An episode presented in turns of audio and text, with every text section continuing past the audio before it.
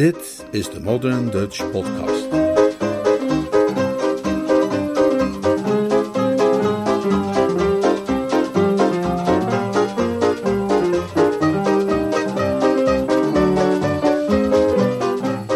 Succesverhaal.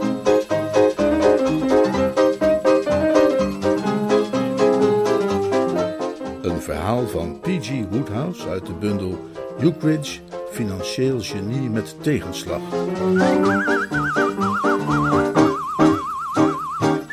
Vandaag het tweede en laatste deel. Vertaald en voorgelezen door Leonard Beugel.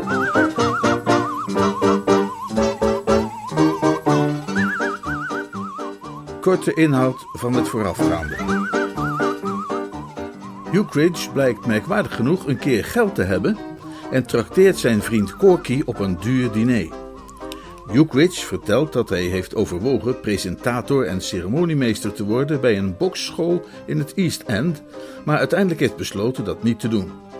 De man die hem drie weken eerder die functie aanbood, vereiste dat hij daarbij in smetteloze avondkleding optrad. En daarover beschikte Ukridge niet op dat moment. Op zoek naar vijf pond om tweedehands kleding te kopen, ging Ukridge voor een lening naar het huis van zijn tante Julia, de Cedars, op Wimbledon Common.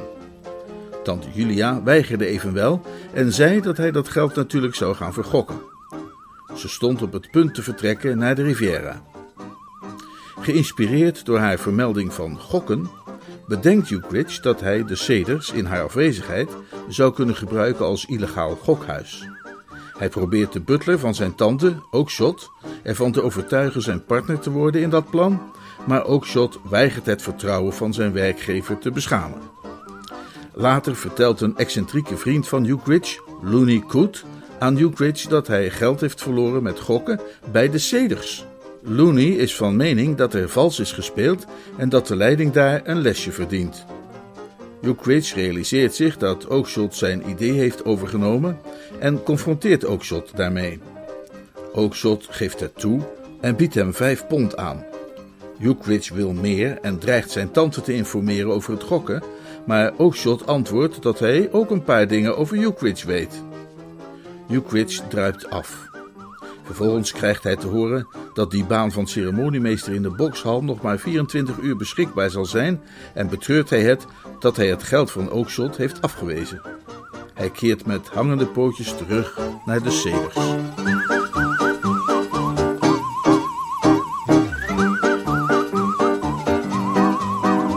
Was een geluk dat ik erop voorbereid was dat mijn zelfrespect op de proef zou worden gesteld. Want het allereerste wat er gebeurde, was al dat mij aan de voordeur van de Cedars de toegang werd ontzegd, daar ik niet correct was gekleed. Het was ook Shot zelf die mij deze eerste belediging aandeed. Hij gebood me kortweg om achterom te lopen en in zijn pantry op me te wachten. Hij zei erbij dat hij hoopte dat ik een beetje zou opschieten, omdat de eerste gasten elk ogenblik konden arriveren. Hij vreesde kennelijk dat de aanblik van een man op de onderste sport van de ladder zijn cliëntele zou afschrikken. Ik ging dus naar zijn pantry en wachtte daar.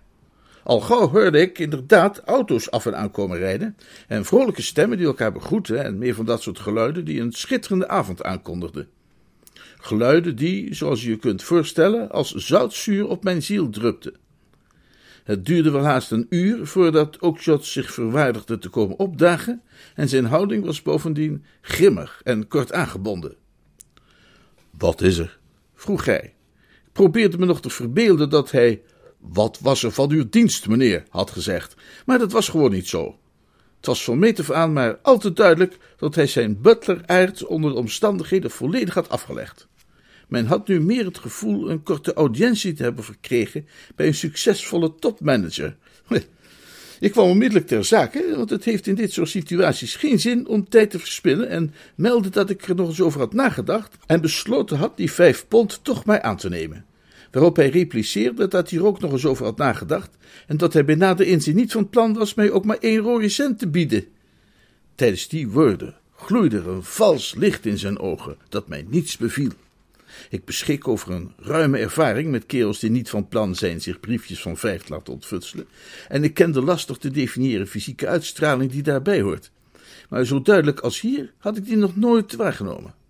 Je hebt je vanmorgen bijzonder beledigend tegenover mij gedragen, zei hij. Ik draaide het gas onder de trots van de Ukridges nog een streepje lager en merkte op dat hij zich toch vooral niet moest laten beïnvloeden door uiterlijkheden. Had hij, vroeg ik, dan nooit gehoord van de ruwe bolster die een melkblanke pit verbergt? Jij noemde mij een. Ja, dat kon ik niet ontkennen. En een. Ik moest alweer toegeven dat zulks in principe juist was. En toen draaide je op de drempel nog eens om en schold mij uit voor. Ik begreep dat ik deze gedachtegang een andere wending zou moeten proberen te geven. Ach, daar heb ik toch je gevoelens niet al te zeer mee gekwetst, mijn beste Oakshot, zei ik medelijdend. Ik heb je toch geen pijn gedaan? Dat spijt me dan. Dat was volstrekt niet mijn bedoeling. Als je op mijn gezicht had gelet, zou je de twinkeling in mijn ogen hebben gezien. Het was natuurlijk maar een grapje, beste kerel. Zo'n geintje moet je niet te zeer ad literam nemen. Hij zei dat hij niet wist wat ad literam betekende, dus ik begon aan een ruwe vertaling. Maar op dat moment verscheen er een of andere gedienstige, die kwam zeggen dat zijn aanwezigheid aan het front werd vereist. Hij liet me zonder meer staan, keek niet eens om, en ik ging dus maar even op zoek naar de port. In de pantry van een butler moest altijd wel ergens port te vinden zijn, leek mij. Shelley's Wanneer de butler naakt is dan de portfles veer, is altijd wel een regel waar je van op aan kunt. Vond de fles uiteindelijk in een hoekje van de kast en dronk een opwekkende teug. Het was precies wat ik nodig had. Het is inderdaad regelmatig voorgekomen dat een goede slok port op het kritieke moment mijn denkvermogens op de juiste wijze wist te stimuleren. Dat spul heeft kennelijk een directe uitwerking op de grijze cellen, waar nog onvoldoende onderzoek naar is gedaan. Maar waar die cellen eens goed van gaan zitten en opletten. Een stevige whisky soda heeft soms een vergelijkbaar effect, heb ik gemerkt, maar port werkt gegarandeerd. Het werkte nu ook. Plotseling, alsof ik op een knopje had gedrukt, verscheen voor mijn geestesoog het beeld van mijn tantes slaapkamer, waarbij langzaam werd ingezoomd op de schoorsteenmantel en met name op de vrije klok die daar stond. Een exemplaar dat naar mijn schattingen al gauw zo'n vijf pond zou kunnen opbrengen, schoon aan de haak. Mijn tante is een vrouw die ervan houdt zich te omringen met waardevolle antiquiteiten en objet d'art. En wie zou haar dat kwalijk nemen? Zij zit dankzij haar begenadigde pen uitstekend in de slappe was, en als dat de manier is waarop zij die was wil uithangen, sta ik geheel en al aan haar zijde. Overal in haar fraai ingerichte huis vind je weelderige siervoorwerpen, die stuk voor stuk zelfs bij de gierigste pandjesbaas een kapitaaltje zouden opbrengen. Uh, nee, uh, wacht even, Corky, nu vergis je toch. Nu druk je je niet helemaal correct uit. Het was niet mijn bedoeling om die klok ook werkelijk te jatten, hè? Dat, dat zie je verkeerd. Wat ik, wat ik feitelijk in gedachten had, was meer iets in de richting van een, tijdelijke lening. De vertegenwoordiger van het grote bokspaleis in Botterton Oost had niet precies een bedrag genoemd, maar ik meende toch wel aan te kunnen nemen dat bij een functie als die van presentator en ceremoniemeester een aanzienlijke maandelijkse vergoeding vanzelfsprekend mocht worden geacht. Verdorie zeg, me, mijn voorganger was notabene overleden aan levercirrose. En dat kost een lieve cent hoor, om te overlijden aan levercirrose. Leek mij een fluitje van een cent om met behulp van mijn eerste salaris die klok weer te ontlommerden en op zijn plaats terug te zetten. Kortom, de transactie zou kunnen worden voltrokken zonder dat mijn tante er ook maar het minste ongerief doorbrokkend zou worden. Wat een goede scheut port voor een mens kan doen, blijkt maar weer eens als ik je vertel dat, terwijl ik de trap oprende, mij zelfs de gedachte te binnen schoot dat mijn tante, als zij de feiten had gekend, waarschijnlijk de eerste zou zijn geweest om mijn actie toe te juichen. Die opvatting had ik alweer wat bijgesteld tegen de tijd dat ik de deur van haar kamer bereikt had, maar daar liet ik mij niet door ontmoedigen. Ik greep de deurknop en wilde die vol hoop en verwachting omdraaien. Wie schetst dus mijn teleurstelling, Corky, toen dat onmogelijk bleek? Oakshot had de deur op slot gedaan en de sleutel bij zich gestoken. De ontstane situatie zou de meeste mensen van slag hebben gebracht, en ik moet toegeven dat zelfs ik heel even de kluts kwijt was. Maar op dat moment kwam mijn uitstekende terreinkennis me goed van pas. Ik had alles bij elkaar vele dagen en nachten in dit huis doorgebracht. Gewoonlijk duurt het tot halverwege de tweede week voordat mijn tante me eruit gooit, en ik kende dus goed de weg. Zo wist ik bijvoorbeeld dat achter het schuurtje in de moestuin altijd een handzaam trapleertje stond. Ook wist ik dat de slaapkamer van mijn tante openslaande deuren had naar het balkon op de eerste verdieping. Met behulp van die ladder en een beitel lachte ik om elke slotenmaker. butlers hebben ook altijd ergens een bijtel en een schroevendraaier liggen. Dus ik ging terug naar Oakshot's pantry en inderdaad lag er een bijtel in zijn la. Een zaklantaarn lag ernaast, dus die stak ik ook maar meteen in mijn zak. Op dat moment kwam Oakshot binnen. Je zult begrijpen hoe ik mij voelde als ik je zeg dat hij een stapel bankbiljetten bij zich droeg, ter grootte van een fikse handkoffer. Ik neem aan dat hij die even veilig kwam opbergen in zijn pantry. Een man in zijn positie, die onder een niet aflatende stroom van geld wordt bedolven, wil natuurlijk af en toe even lozen om plaats in zijn zakken te maken voor meer. Hij leek weinig verheugd mij te zien. Zijn ogen namen de glans en uitstraling aan van een koud gepocheerd ei. Ben jij nog steeds niet weg? Nee, kon ik hem verzekeren. Het heeft geen zin om meer te blijven wachten, zei hij botweg. Naar die vijf pond kun je fluiten. Maar ik heb dat geld dringend nodig. Nou, ik ook. Maar jij kunt het makkelijk missen. Met zo'n stapel zou je het niet eens merken als er een ontbrak. Maar daar gaat er geen ontbreken. Ik zuchtte. Oké, ook shot. Maar een glaasje port zul je me toch niet willen onthouden. Glas port kun je krijgen. Ik neem er zelf ook een. Uh, zal ik dat geld dan even voor je vasthouden? Nee. Ik dacht dat je je handen misschien even vrij zou willen hebben om in te schenken. Het ziet er trouwens uit alsof alles naar wens verloopt. De zaken gaan goed. Prima. Nou, proost, hè? Daar ga je, antwoordde ik beleefd en we sloegen onze respectieve glazen achterover. Hij ging er vandoor en ik liep naar de tuin. Toen ik voorbij de salon kwam, hoorde ik daar de vrolijke geluiden van een opgetogen menigte, die zich aan allerlei gokspelen te buiten ging, om ook Shots kast nog eens extra te spekken. Even bleef ik vertwijfeld staan en speelde met de gedachte een flinke baksteen door de ruit te werpen. Maar hoewel zo'n actie mijn emoties niet weinig zou verlichten, begreep ik wel dat het zakelijk gezien niet echt in mijn voordeel kon zijn. En ik liep door. Ik vond de ladder op zijn plaats achter het schuurtje, klom naar het balkon van mijn tantes slaapkamer en stond juist op het punt om aan het werk te gaan met de bijtel, toen het licht in de kamer opeens aanging. Ik viel bijna over de rand van schrik. Ik herstelde me echter snel drukte mijn neus tegen het glas en zag dat Oakshot de kamer was binnengekomen.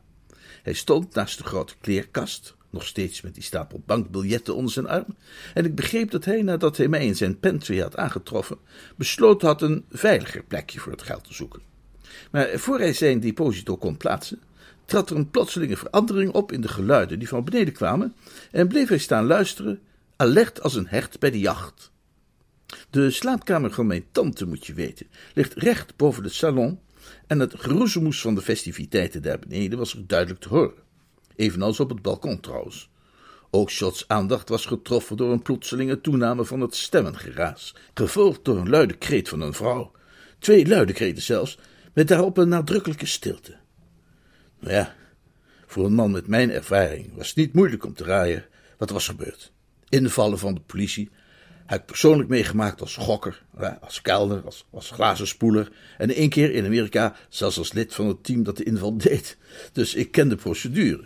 Het gaat altijd op dezelfde manier. Eerst klinkt er een algemene uitroep van ontsteltenis, dan een gekrijs van vrouwenstemmen, en dan is het opeens stil en staren alle aanwezigen met lege blik een sombere toekomst tegemoet, terwijl ze ijverig namen en adressen proberen te verzinnen die een beetje aannemelijk klinken voor de heren met de opschrijfboekjes. Kortom, Knabo, de Cedars, Wimbledon Common, was getroffen door een duister lot. De tent werd opgerold. Dat ook Oakshot één en één bij elkaar wist op te tellen en de onontkoombare diagnose te stellen, werd duidelijk uit de snelheid waarmee hij optrad. De kleerkast waar hij voor stond, was een vrij notenhouten exemplaar van ouderwets ruime afmetingen, en Oakshot dook erin als een zeeleeuw achter een dode haring, met bankbiljetten en al waarop ik door de openslaande deuren naar binnen wipte en de sleutel van de kleerkast omdraaide. Waarom ik dat deed, kan ik niet helemaal zeggen, behalve dan dat het op dat moment een goed idee leek. Het duurde even voordat mijn buitengewone genie en visie mij leerde dat wat ik had gedaan niet alleen heel vermakelijk was, maar ook een bijzonder winstgevende actie kon blijken te zijn. Hiermee, flitste het opeens door me heen, zou ik wel eens een flinke stapel bankbiljetten kunnen gaan verdienen.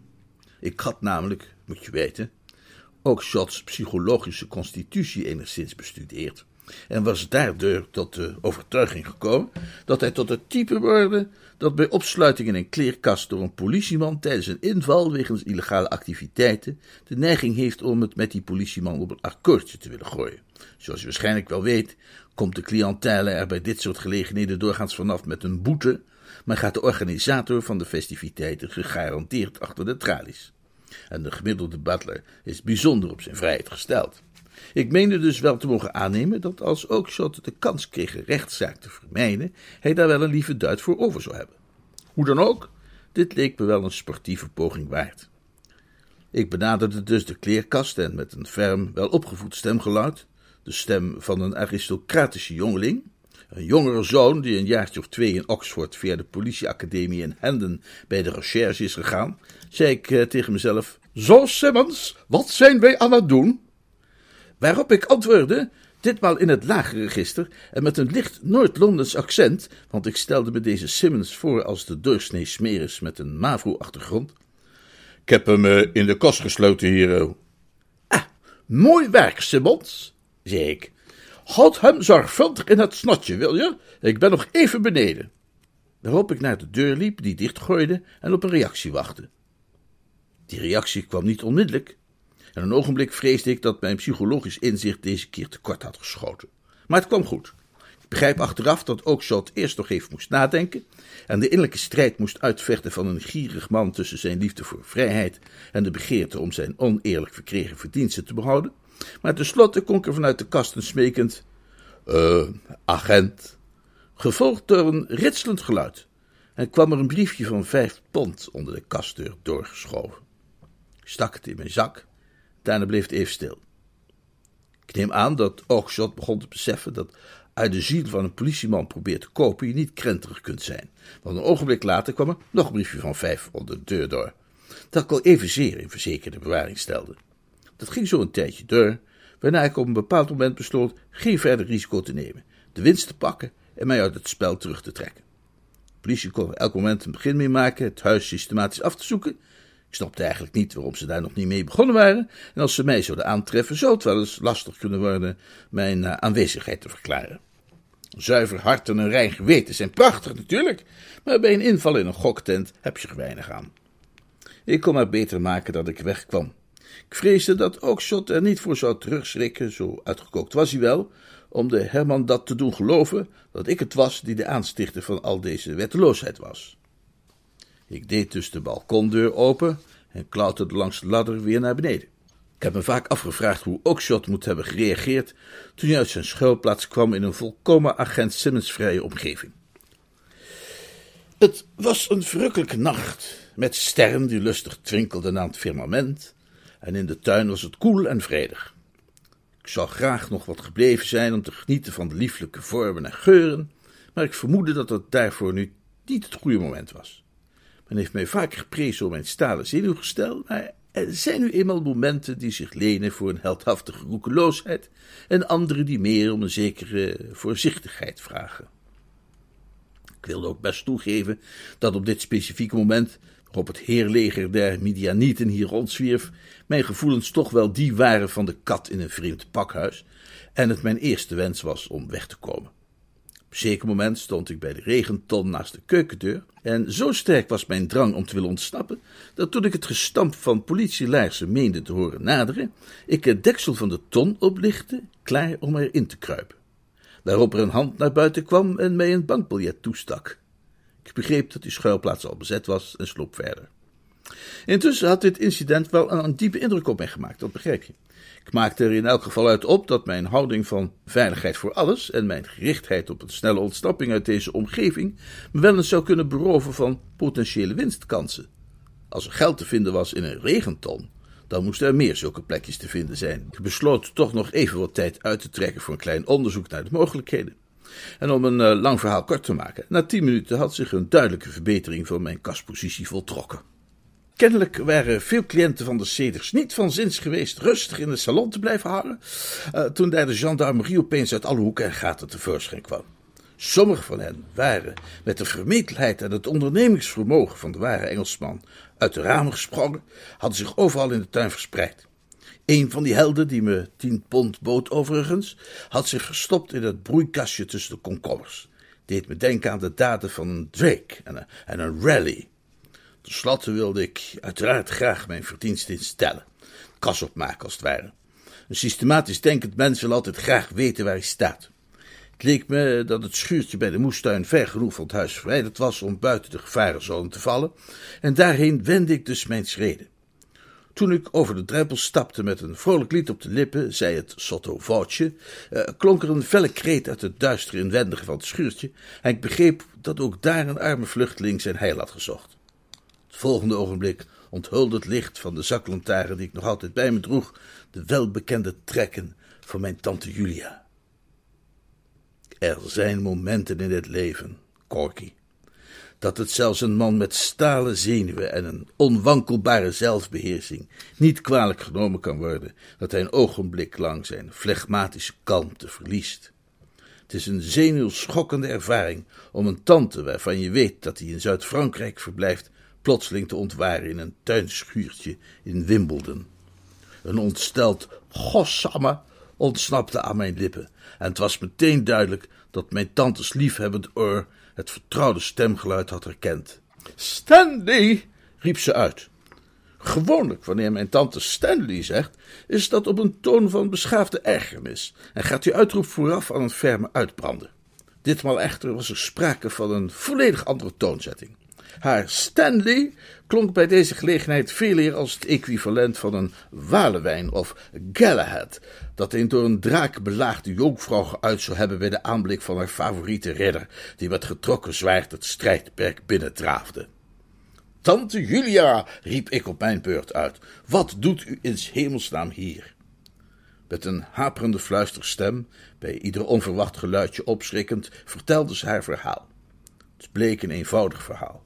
In Cannes had ze een vriendin ontmoet die juist aan de Riviera was gearriveerd en die een paar dagen daarvoor thuis in Londen van iemand had gehoord dat er zich in de ceders duistere taferelen afspeelden.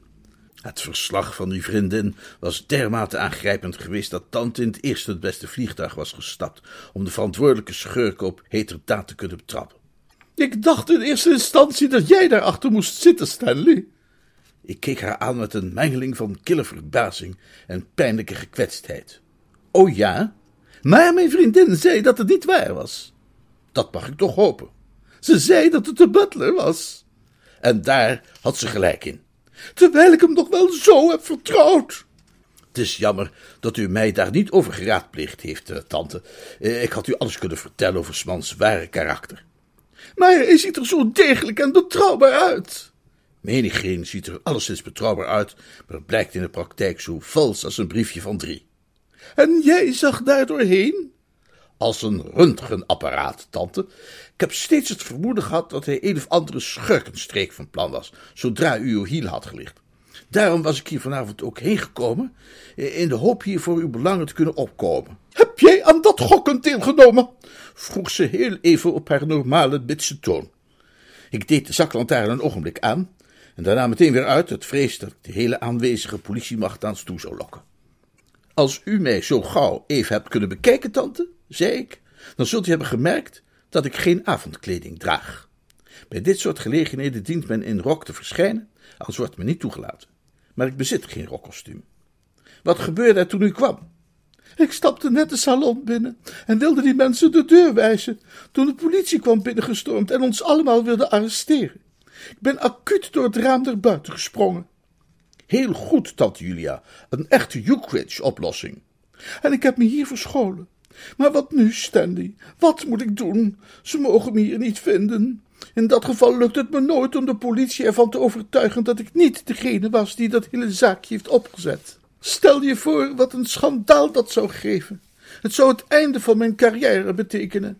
Denk na, Stanley, verzin een list leek me geen kwaad te kunnen het zout nog wat extra in de wonden te wrijven. Hele vervelende situatie, stemde ik met haar in.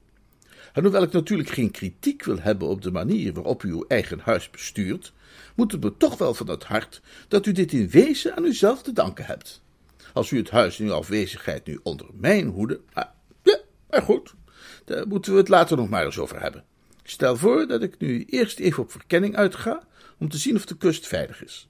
Als dat het geval is, kan ik u stilletjes over de tuinmuur helpen. Wacht u maar even hier tot ik terugkom. En als ik niet terugkom, dan weet u dat ik ten slachtoffer ben gevallen aan mijn toewijding als neef. Ik weet niet zeker meer of ze nu werkelijk mijn held tegen me zei of niet. Uh, ze had het in elk geval behoren te zeggen, maar mijn tante is een vrouw die zich wel vaker vergist in haar tekst. Hoe dan ook, ze greep even nerveus mijn hand en met een kort opwekkend woord liet ik haar in het schuurtje achter. Had nog geen vijftig meter gelopen toen ik een onzichtbare tegenligger vol tegen het lijf liep. De tegenligger kwam in oostelijke richting rond een boom gelopen die ik juist in westelijke richting wilde ronden. We smakten tegen elkaar als twee opponerende mastodonten in het voorhistorisch regenwoud. De mastodont uit het westen hervond zijn evenwicht het eerst en bescheen me met zijn zaklantaarn. Hey, hallo, Jokretsch, kerel, wat doe jij hier? Wat een avond, hè? Wat een avond! Wat een avond! Ik herkende de stem van Looney Koet. Ik bekeek hem op mijn beurt bij het licht van mijn zaklantaarn. Maar wie schetst mijn verbazing, Corky, toen hij gekleed bleek in een politieuniform? Toen ik daar wat van zei, lachte hij met het geluid van een bronstige hyena en vertelde me zijn verhaal. Teleurgesteld, omdat hij de avond tevoren al zijn geld had verloren in de ceders, had hij het plan opgevat bij zo'n theaterwinkel een politiepak te huren, zich te verkleden en een inval te doen. En op die manier wilde hij ze daar een stevig lesje leren en ze een beetje aan het denken zetten. Typisch iets voor Looney Koet, Corky. Zo is die jongen altijd al geweest. Zolang ik hem ken, ben ik van mening geweest dat Mazoort zijn eigenlijke mentale thuishaven is. Langzaam kwam ik weer enigszins bij zinnen. Bedoel jij nu dat er hier helemaal geen echte agenten zijn? Nee, uh, alleen ik. Ik kapte even naar adem. De emoties woelden in mij om.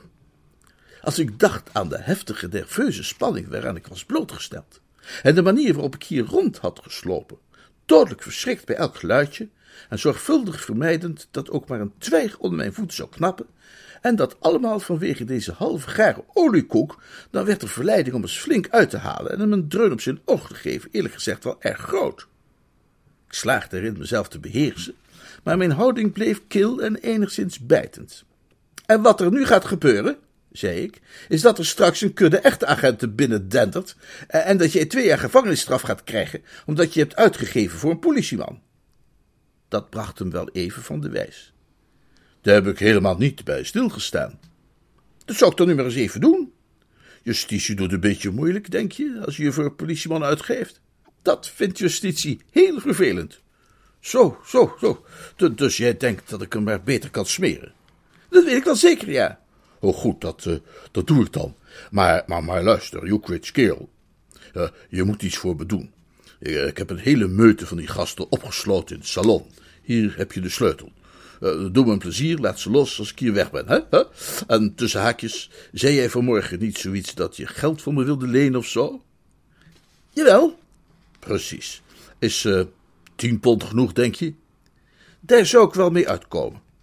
Hier, alsjeblieft dan. En over geld gesproken, hè? veel van die gasten waren geneigd door mij geld aan te bieden om ze te laten gaan. Smeergeld, begreep je? Daar waren ze heel scheutig mee. Grappig dat, vond ik. Maar uh, tot ziens dan maar, beste kerel. Leuk om je even te zien. Denk je dat, als ik word aangehouden, dat ik er dan misschien onderuit kan komen als ik zeg dat ik op weg ben naar een gecostumeerd bal? Je kunt het altijd proberen. Zal ik doen. Heb ik jou nou dat tientje gegeven? Uh, nee. Oh, uh, hier dan. Goedenavond, Ukritsch, beste kerel. Goedenavond. Ik liep terug naar het schuurtje en zei tegen mijn tante dat ze nu een snelle duik over de tuinmuur wel kon wagen. Ze bedankte me met gebroken stem, gaf me een kus en zei dat ze me helemaal verkeerd beoordeeld had. Ze ging er in hoog tempo vandoor en ik begaf mij naar de salon. Onderweg bepaalde ik in razende vaart mijn tactiek. Looney's opmerkingen over smeergeld hadden mij niet weinig beroerd. En ik moet zeggen dat hij me allerminst verkeerd had voorgelicht. trof de gasten in volkomen de juiste stemming voor onderhandelingen en bereid om zaken te doen. Een korte vooroverleg via het sleutelgat en de zaak kon worden afgesloten op zo en zoveel de man.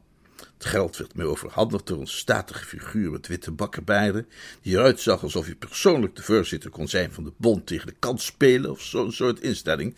En ongetwijfeld had hij zich in het laatste half uurtje menigmaal afgevraagd hoe dit allemaal af moest lopen voor zijn reputatie. Er stond champagne gereed op het dressoir. Nadat iedereen was vertrokken, ging ik eens rustig zitten, een trok een fles open. Ik vond dat ik het had verdiend. Ukridge zweeg even en trok wellustig aan zijn sigaar. Een blik van diepe, ongekende tevredenheid verbreidde zich over zijn gezicht. En zo is het gekomen, Corky. Hm?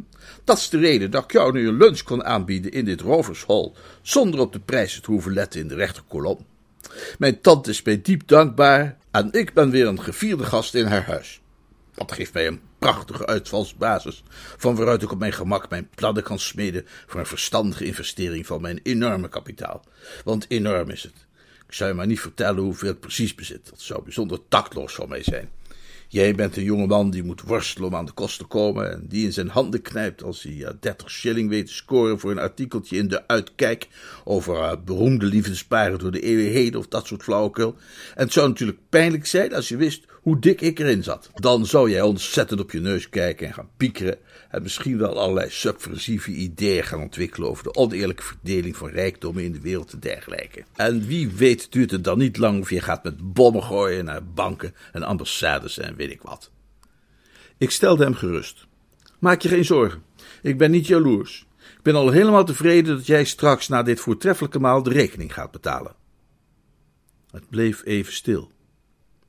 Het viel me op dat Joeketjes ogen achter zijn pince met het champagne-kurkijzerdraad een verontschuldigende blik hadden aangenomen.